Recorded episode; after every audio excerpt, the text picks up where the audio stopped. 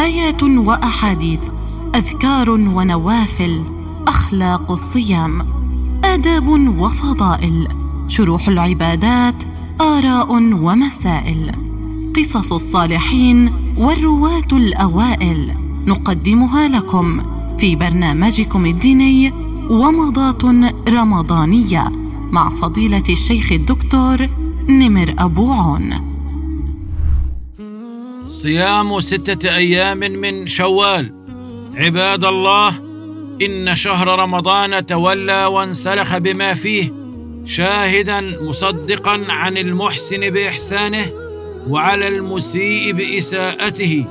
فعلى من من الله عليه بالتوفيق فيه وتاب إلى الله وأناب وصام وقام أن يحافظ على هذه الدرجة الطيبة ويزداد في الخيرات.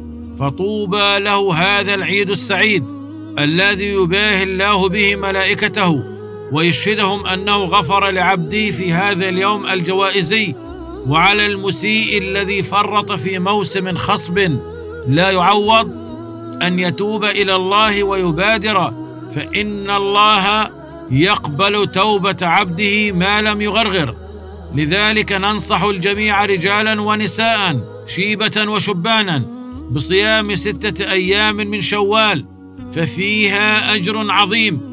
فعن أبي أيوب الأنصاري رضي الله عنه أن رسول الله صلى الله عليه وسلم قال من صام رمضان ثم أتبعه ستا من شوال كان كصيام الدهر وعن عائشة رضي الله عنها قالت قال رسول الله صلى الله عليه وسلم أحب الأعمال إلى الله تعالى أدومها وإن قل.